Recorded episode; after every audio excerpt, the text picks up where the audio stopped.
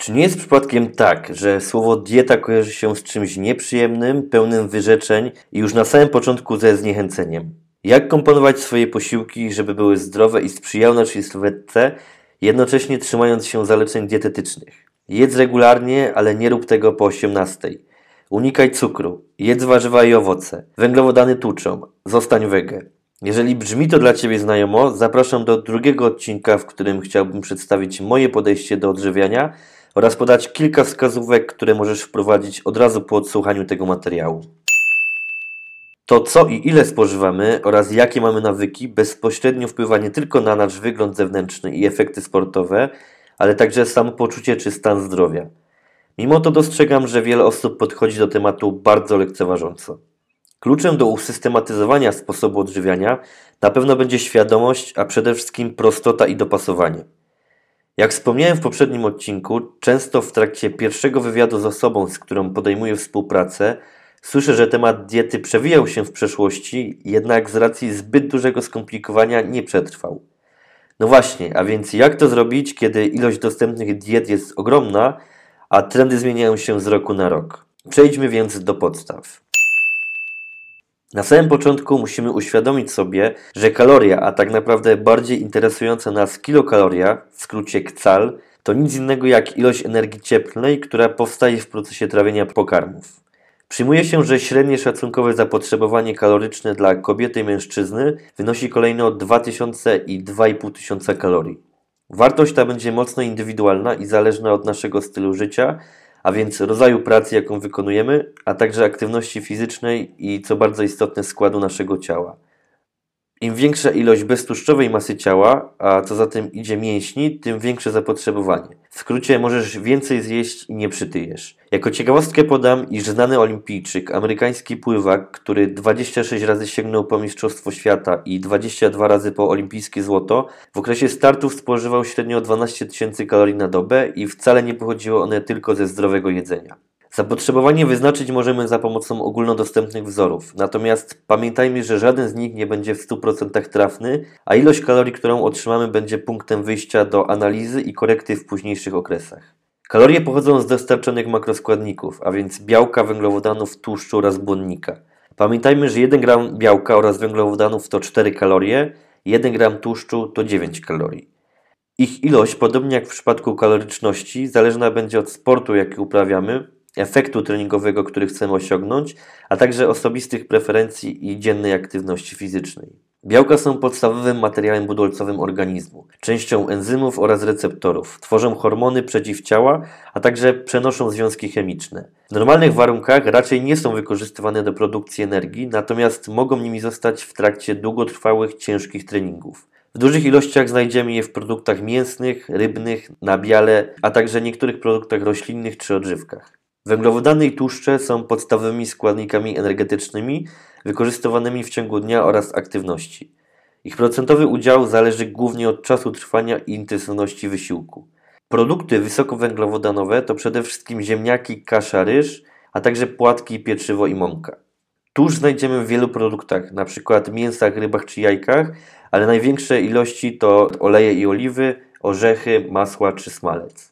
Do pozostałych niezbędnych składników odżywczych należą składniki mineralne i witaminy, które nie stanowią źródła energii, jednak pośredniczą w wielu reakcjach, będąc niezbędnymi do prawidłowego funkcjonowania organizmu. Jak nie trudno się domyślić, znajdziemy je głównie w warzywach i owocach. Ważnym elementem jest odpowiednia podaż błonnika, który to wchłania wszelkie produkty fermentacji oraz ułatwia perystaltykę jelit. Dzienna zalecana dawka to między 25 a 40 gramów. Ilość wybranych posiłków będzie zależna od nas i naszych preferencji. Nie ma znaczenia, czy w ciągu dnia zjemy ich 3 czy 7. Najważniejsza jest ogólna ilość kalorii spożytych w skali doby czy nawet tygodnia. Istniało wiele badań, które sugerowały ograniczenie spożycia konkretnego makroskładnika, np. śniadania białkowo-tłuszczowe, natomiast uważam ten aspekt za niepotrzebnie komplikujący na samym początku. W końcu, jak już ustaliliśmy, to prostota jest najlepsza i najefektywniejsza. Współpracując z podopiecznymi nigdy nie narzucam ścisłej, rygorystycznej diety, a jedynie rozpiskę z wyliczoną ilością makroskładników, przykładem posiłków, a także sugerowanych produktów. Proszę również o pobranie aplikacji do liczenia kalorii, np. Fitatu czy MyFitnessPal, z jednego prostego powodu. Pozwala nam to w szybki sposób zdobyć świadomość na temat kaloryczności poszczególnych składników. I tu pojawia się pewna pułapka. Metoda ta może doprowadzić do popsucia relacji z jedzeniem i w sytuacji, gdy nie wiemy jak wliczyć jakiś produkt, przykład jedząc w restauracji, przyczyniać się do zakłopotania. Uważam jednak, że podejście do tematu zdroworozsądkowo przynosi więcej korzyści i w krótszym czasie uświadamia osobę, jak tak naprawdę wygląda ich sposób odżywiania. Oprócz ilości kalorii i makroskładników, mega ważna będzie różnorodność posiłków. Mogą to być nawet drobne zmiany w postaci rotacji produktów, którymi się odżywiamy. Niestety, pomimo 2020 roku, na siłowniach bardzo często utarty jest schemat kurczaka z ryżem 3 razy dziennie przez pół roku. Takie rozwiązanie owszem będzie proste i łatwe do odtworzenia, jednak długofalowo niezbyt korzystne. Przykładowo w swojej diecie staram się w każdym z czterech posiłków dostarczyć białka z innego źródła. Na przykład na śniadanie jajka, drugi posiłek to twaróg, e, obiad pierś indyka, a na kolację na przykład ryba. Nic w nadmiarze nie jest korzystne, dlatego zawsze zachęcam do jak największego urozmaicenia sobie posiłków, począwszy od różnych metod przygotowania, przypraw, które używamy, a na doborze produktów kończąc. Często pomijanym, a ważnym elementem jest dbałość o odpowiednie nawodnienie. Uczucie pragnienia jest odznaką lekkiego odwodnienia, a więc starajmy się nie dopuszczać do sytuacji, w której się pojawia. Dobrze jest wyrobić sobie nawyk regularnego dostarczania płynów. Skupmy się głównie na wodzie, ale w dzienny bilans wliczmy także herbaty i kawy.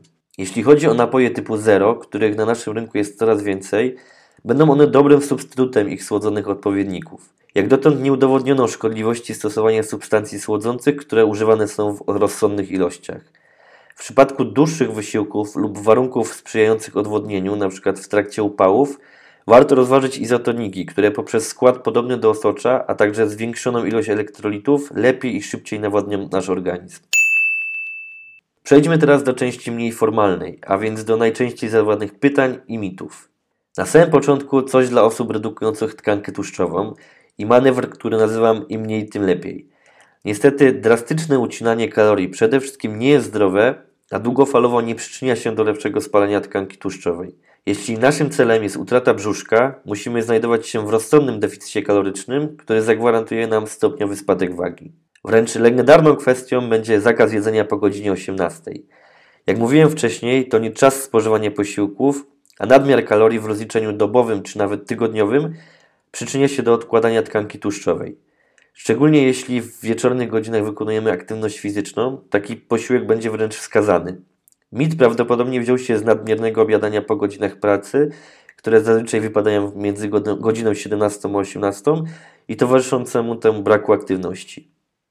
Następną rzeczą, czyli ziemniaki tuczą, zjem sałatkę. Tutaj sytuacja ma się identycznie jak w poprzednim przykładzie. Nie ma produktów, które powodują zwiększenie ilości tkanki tłuszczowej, a jednorazowe zjedzenie ciasta nie przyczyni się od razu do wzrostu obwodów pasa.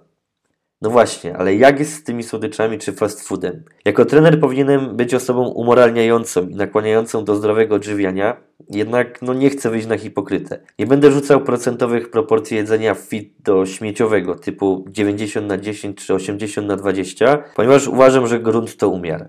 Ostatnio wspomniałem moją dietę na początku przygody z siłownią, kiedy to na noc spożywałem suchy twaróg popijając kieliszkiem oliwy, czy zimny ryż z pojemników trzy razy dziennie. I tutaj kolejny benefit płynący z używania aplikacji do liczenia kalorii, która w sytuacji, kiedy mamy ochotę na coś, nazwijmy to mniej zdrowego, ułatwia nam utrzymanie założeń dietetycznych, jednocześnie nie odmawiając sobie przyjemności. Z doświadczenia zauważam, że tego typu metoda znacząco ułatwia utrzymanie diety. Mało tego, świadomość, że tak naprawdę w każdym momencie możemy pozwolić sobie na małe co nieco, zmniejsza częstotliwość występowania takich zachcianek. W tym miejscu mogę polecić produkty zero kalorii, takie jak sosy dietetyczne czy słodycze, jednak nie są one tak smaczne jak bardziej kaloryczne odpowiedniki, a ich cena zazwyczaj jest znacząco wyższa. Coś, co niejednokrotnie słyszę, czyli nie mam czasu na przygotowanie posiłków. No niestety, doba każdego z nas ma tyle samo godzin i nadzwyczajnie są to wymówki. W tym przypadku mamy dwa rozwiązania. Pierwsze, do którego zdecydowanie nakłaniam, to maksymalne uproszczenie jadłospisu posiłków do tych, które możemy zrobić w kilka minut.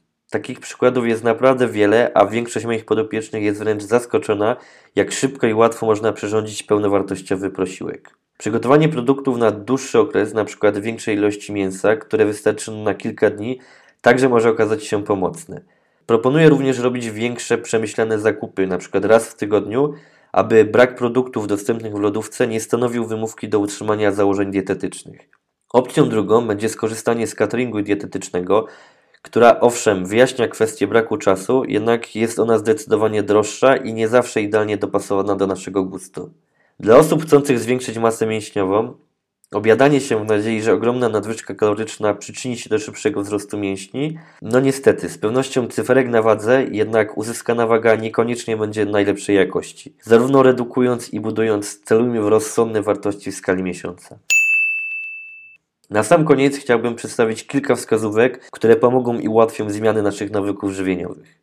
Przede wszystkim musimy być świadomi, po co to robimy. Niezależnie od tego, czy się odchudzamy, czy pragniemy zbudować masę mięśniową, zwiększyć siłę, czy poprawić wynik w maratonie, sposób odżywiania odgrywa kluczową rolę. Dopasowana ilość makroskładników, a co za tym idzie odżywienia naszego organizmu, przyczynia się do prawidłowej regeneracji, odpowiedniego poziomu energii, zarówno w trakcie dnia, jak i na treningu, do równowagi hormonalnej, czy do odpowiedniego zdrowia. Dieta musi być smaczna, więc stosowane produkty powinny być zgodne z naszymi preferencjami smakowymi.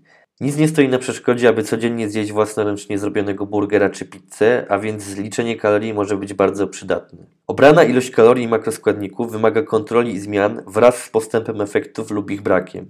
Staraj się monitorować postępy poprzez regularne pomiary wagi, zalecam raz na 10 dni, obwodów ciała oraz przez zdjęcia sylwetki. Wahania wagi są rzeczą normalną i wynikają z wielu przyczyn takich jak zmiany hormonalne, ilość spożytych posiłków, nawodnienie czy ilość soli w produktach. Dlatego ważenie się codziennie i przejmowanie tym, że dzisiaj waga jest większa niż była wczoraj, no nie jest dobre i może niepotrzebnie nas demotywować. W przypadku diet redukcyjnych i doskwierającego deficytu sugeruję zwiększyć ilość warzyw oraz niektórych owoców, które posiadają stosunkowo małą ilość kalorii, a dobrze nasycają przez większą ilość błonnika.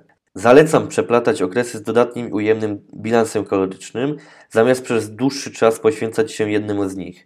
Pozwoli no, to przez dłuższy okres cieszyć się estetyczną sylwetką oraz podnosić wyniki sportowe. Zamiast drastycznego ucinania kalorii, polecam w pierwszej kolejności dołożyć aktywności fizycznej, która pozwoli nam jeść więcej, a także przyczyni się do lepszych i szybszych efektów. Dzięki wielkie za odsłuchanie tego materiału. Mam nadzieję, że w jakimś stopniu okazał się on dla Ciebie przydatny. Prosiłbym również o udostępnienie go dla osób, dla których może okazać się pomocny, a także do śledzenia mnie na koncie Instagram oraz Facebook, do których link znajdziesz w opisie tego materiału. Dzięki wielkie i do usłyszenia.